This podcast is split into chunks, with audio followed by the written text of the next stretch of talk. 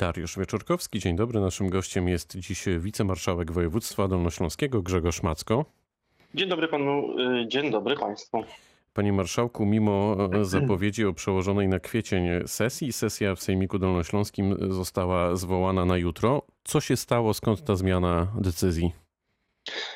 Panie redaktorze, no my jako grupa radnych związanych z Prawem i Sprawiedliwością, ale tu również radni innych klubów, no postanowiliśmy wziąć e, sprawy w swoje ręce, dlatego że no doszło do takiej sytuacji, że wśród naszych koalicjantów, wśród bezpartyjnych samorządowców, nad czym ubolewamy, ale nie doszło do porozumienia, na które e, liczyliśmy. Liczyliśmy, że sytuacja się uspokoi, wytonuje przed świętami. Natomiast no, dzisiaj widzimy, że te emocje są tak duże, że jeżeli my nie weźmiemy tych spraw e, sejmikowych, Sejmiku Dolnośląskiego w swoje ręce, w tym szczególnie trudnym dla naszego województwa czasie, bo, bo, bo mówimy oczywiście w kontekście pandemii, ale oczywiście y, nie mniej istotna kwestia mm, negocjowania nowych środków z regionalnego programu operacyjnego.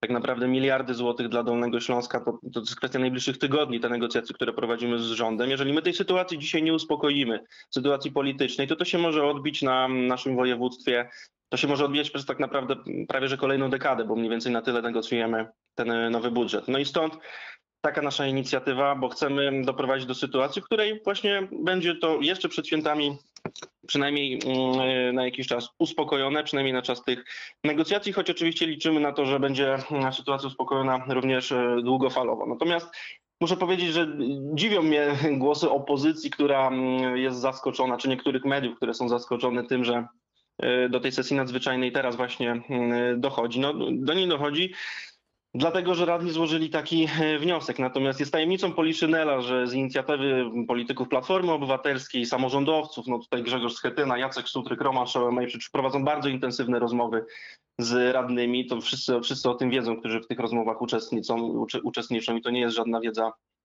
tajemna. No i tutaj w czasie tych rozmów oczywiście są proponowane różne scenariusze, proponowane no to wejdę, wejdę w słowo, do tej awantury. Wejdę, no dlatego, wejdę no w słowo, jako... panie marszałku, bo mnie nie, niewiele chyba jest w stanie już e, zdziwić. E, rozumiem, że ta sesja jutro będzie. Kto może zastąpić pana Wybierałę, który ma stracić stanowisko?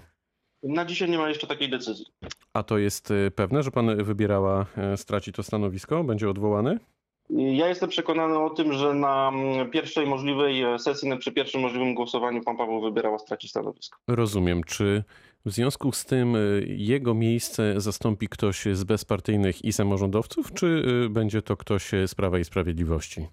Tak jak powiedziałem, nie ma w tej sprawie jeszcze decyzji. Dobrze. O zwołaniu sesji poinformował minister Michał Dworczyk, a nie przewodniczący Sejmiku. Dlaczego?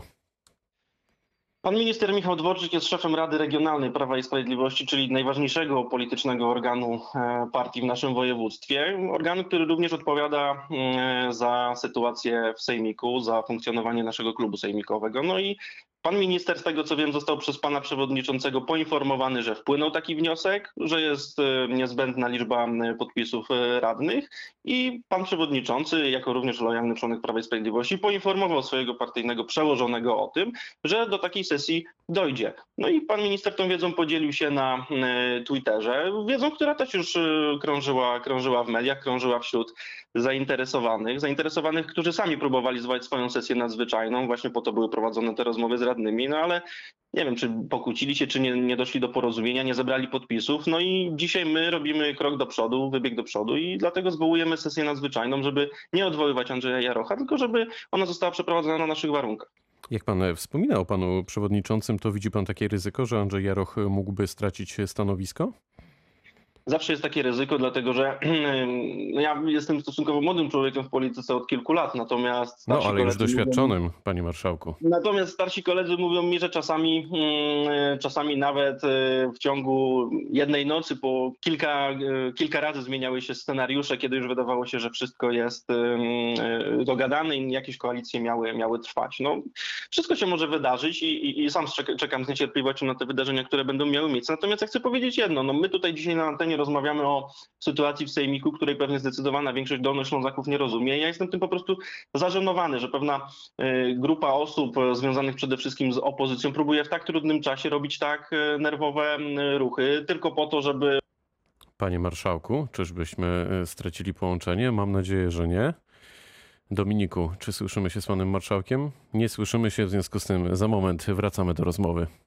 I wracamy na antenie Radia Wrocław do rozmowy dnia. Naszym gościem jest dziś wicemarszałek województwa dolnośląskiego Grzegorz Macko. Czy się słyszymy, panie marszałku? Tak, panie redaktorze, słyszymy się. To są właśnie uroki tej e, pracy zdalnej i rozmów zdalnych. Niestety mam nadzieję, że to się jak najszybciej skończy. Też mam taką e, nadzieję. E, trwają takie polityczne szachy, o których rozmawiamy od kilku minut. Z jednej strony słuchacze faktycznie mogą się zastanawiać, o co tu w ogóle chodzi i po co rozmawiamy. Z drugiej strony myślę sobie, że no, to jednak ma znaczenie, co się dzieje w Sejmiku, bo przekłada się to później na to, co się dzieje na Dolnym Śląsku, mówiąc wprost, na nasze życie, nasze mieszkańców. Czy może pan powiedzieć, w jakiej kondycji właściwie jest koalicja? Czy bezpartyjni samorządowcy dogadają się ostatecznie z bezpartyjnymi i samorządowcami? My jako Prawo i Sprawiedliwość bardzo na to liczymy, że jednak e, ostatecznie e, kwestia odpowiedzialności za województwo weźmie tutaj górę. No i też muszę powiedzieć jedną bardzo istotną rzecz, bo pojawiają się bardzo często na ten temat różne mm, komentarze. No my jako Prawo i Sprawiedliwość podpisywaliśmy umowę koalicyjną, pod, której, pod którą widnieją podpisy dwóch liderów środowiska bezpartyjnych samorządowców. Pana prezydenta Lubina Roberta Raczyńskiego i marszałka Cezarego Przybylskiego.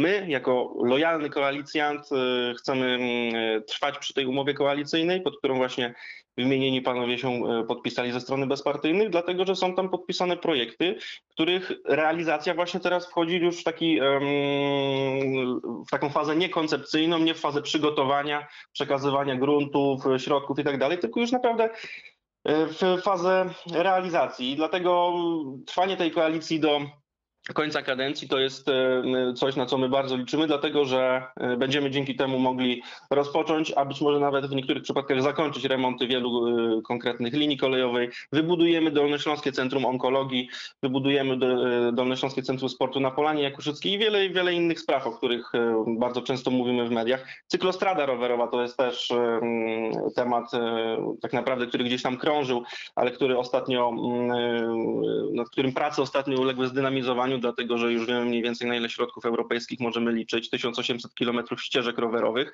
Tego nie zrobią pojedyncze gminy, bo po prostu ciężko im będzie się ze sobą e, dogadać. Nie mają takich to możliwości. zatrzymajmy się tu na chwilę, panie marszałku, bo to jest bardzo ciekawy wątek. E, z takim rowerem, e, z takim projektem rowerowym, z taką inicjatywą też jakiś czas temu wyszedł pan Dariusz Stasiak, który zaangażował w to kilkanaście lub kilkadziesiąt gmin z naszego terenu. Czy to jest tak, że równolegle będą dwa projekty rowerowe na Dolnym Śląsku, czy jeden jeden wchłonie drugi? Czy projekt pana Stasiaka nie ma e, finansowania zapewnionego? Co się, co się stanie w tym temacie? Przede wszystkim nie ma czegoś takiego jak projekt e, pana Dariusza Stasiaka. Z całym szacunkiem, ale te projekty realizuje samorząd województwa jako jednostka samorządu terytorialnego. No i właśnie, to też jest jeden z powodów. Chcieliśmy tutaj, aby ten projekt był realizowany nie przez jakąś instytucję, nie przez poszczególne pojedyncze e, samorządy, tylko żeby to wszystko działało pod płaszczykiem, e, pod płaszczem właśnie samorządu województwa, dlatego że my jesteśmy w stanie pogodzić ze sobą gminy, wytoczyć przebiegi, rozmawiać też z różnymi instytucjami, takimi jak Wody Polskie czy Polskie Koleje Państwowe o udostępnieniu E, ich terenów, przez które mogą iść e, właśnie ścieżki e, rowerowe. Dol, cyklostrada Dolnośląska składa się z kilku odcinków dróg, na północ, dróg rowerowych, na północy województwa, na południu, na południu województwa, na wschodzie, na zachodzie i w poprzek. I można powiedzieć, że w pewien sposób konsumuje Dolnośląską autostradę rowerową, która jest na północy województwa, ale my również dokładamy do tego kilka innych czy nawet kilkanaście innych e, odcinków i już mamy wstępnie, mm, wstępnie, wstępne prowadzone rozmowy na temat właśnie finansowania tych odcinków. E, też muszę powiedzieć, że Dolnośląska Autostrada Rowerowa, czyli właśnie ten północny odcinek całej cyklostrady jest też na takim no, najlepszym, w najlepszej fazie przygotowań z tych wszystkich, dlatego że tam już pewne prace się odbyły i to jest oczywiście wartość dodana. Pewnie przez to będzie też realizowana nieco szybciej niż pozostałe odcinki. Natomiast... Czyli rozumiem, że jedna inwestycja nie wyklucza drugiej. Absolutnie nie. Okej. Okay. Panie Marszałku, jak Dolny Śląsk radzi sobie z pandemią? Jak pan patrzy na to, co się dzieje w szpitalach i generalnie e, na to wszystko, co pana otacza, to ma pan takie poczucie, że mm, jeszcze najgorsze e, przed nami, czy już e, widzi pan jakieś światełko w tunelu? Mając na uwadze chociażby ostatni apel pana wojewody związany z zamawianiem karetek jest takie powiedzenie, że najciemniej zawsze jest przed samym świtem. No dzisiaj mamy trzecią falę i kolejne rekordy zakażeń. Nie wiemy, o 10.30 dowiemy się, ile jest ich dzisiaj 31 marca. Natomiast jeśli chodzi o Dolny Śląsk, to W tej chwili z 3000 dostępnych łóżek covidowych 2,5 tysiąca e, jest zajęte, z respiratorami z 300 prawie 240. No i mm, to jest sytuacja, która nie jest sytuacją najlepszą w Polsce, ale nie jest też sytuacją najgorszą w Polsce. No my tutaj jako Dolny Śląsk mamy bardzo dobrą infrastrukturę medyczną, mamy absolutnie rewelacyjny mm, personel medyczny, zarówno w instytucjach e, wojewódzkich, samorządu województwa, szpitalach, jak i we wszystkich innych szpitalach, czy uniwersyteckich, czy szpitalach powiatowych. No i tutaj myślę, że, mm, że po świętach mam wielką nadzieję, że te święta, które właśnie są takim czasem celebrowania mm, życia, czasem e, nadziei, że one będą takim momentem dla nas symbolicznie e, przełomowym. Natomiast oczywiście my tutaj nie ustajemy w tym, żeby mm, warunki e, naszego funkcjonowania na Dolnym Śląsku były z każdym dniem coraz lepsze. No, Ja wczoraj razem z panem wicewojewodą Jarosławem Kresą odwiedziłem kilka punktów, e, w których, kilka gmin, w których e, na halach sportowych będą tworzone nowe centra e, szczepień, bo wiemy, że ma do nas dojechać w kwietniu 7 milionów szczepionek i z każdym miesiącem ta liczba już ma nie spadać, tylko ma być jeszcze, ich jeszcze coraz więcej. Odwiedzamy, wizytujemy te miejsca, w których mają powstawać centra szczepionek, rozmawiamy z burmistrzami, z samorządowcami o tym, jak to wszystko zorganizować i no tak naprawdę każdy dzień to jest, każdy dzień jest na wagę złota.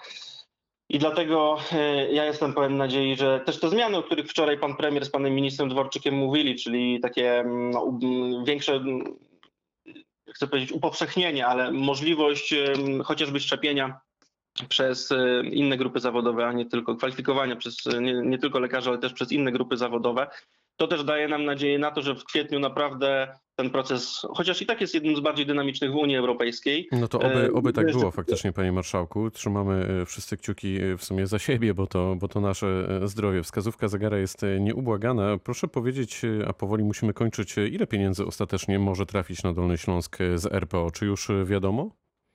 No, panie redaktorze, tutaj od y, naszego ostatniego spotkania y, nie zmieniło się aż tak, aż tak dużo. To znaczy mamy deklarację. Chociaż pamiętam o... właśnie pana deklarację, że e, za kilka tygodni być może ta kwota się zmieni na, na naszą Na korzyść. Na spotkaniu w ministerstwie, na którym y, byliśmy z panem ministrem Cezarym Przybylskim, z- z panem marszałkiem Cezarym Przybylskim, chociaż życzę, żeby był kiedyś ministrem, spotkaliśmy się z panem ministrem Waldemarem Budą. Usłyszeliśmy, że maj jest takim miesiącem, kiedy będziemy mogli już myśleć o konkretnych kwotach. Natomiast deklaracje są jasne, to będzie kwota zbliżona do kwoty z poprzedniej e, perspektywy i mam nadzieję, że wszyscy politycy i samorządowcy, którzy dzisiaj tak e, bardzo narzekają na to, co się e, dzieje właśnie wokół środków europejskich, no, wyrażą po prostu satysfakcję, kiedy już te mm, zobowiązania zostaną, że tak to ujmę dowiezione. To już e, naprawdę na koniec. E, Dziś ma pan e, ogłosić z panem marszałkiem Przybylskim szczegóły związane z Funduszem Sprawiedliwej Transformacji. Tak jednym zdaniem, czego możemy się spodziewać? Dzisiaj zaprezentujemy mm, napisane mm, po wielu miesiącach pracy przez urzędników Urzędu Marszałkowskiego wraz z wszystkimi zainteresowanymi samorządowcami, przedsiębiorcami, stowarzyszeniami i tak dalej. y, Zaprezentujemy plan sprawiedliwej transformacji dla Dolnego Śląska, który składa się z dwóch elementów. Plan sprawiedliwej transformacji dla byłego województwa wałbrzyskiego, który przewiduje e, no, wszelkie działania związane z mm, rewitalizacją tych terenów, e, na których jeszcze dwadzieścia kilka lat temu funkcjonowały kopalnie, ale zaprezentujemy również jako załącznik Musimy do tego planu kończyć. równolegle plan transformacji Zagłębia Turoszowskiego. Wicemarszałek województwa dolnośląskiego Grzegorz Macko był gościem rozmowy Dnia Radia Wrocław z problemami technicznymi, ale się udało. Bardzo dziękuję za spotkanie. Dziękuję bardzo, do usłyszenia. Pytał Dariusz Wieczorkowski. Dobrego dnia.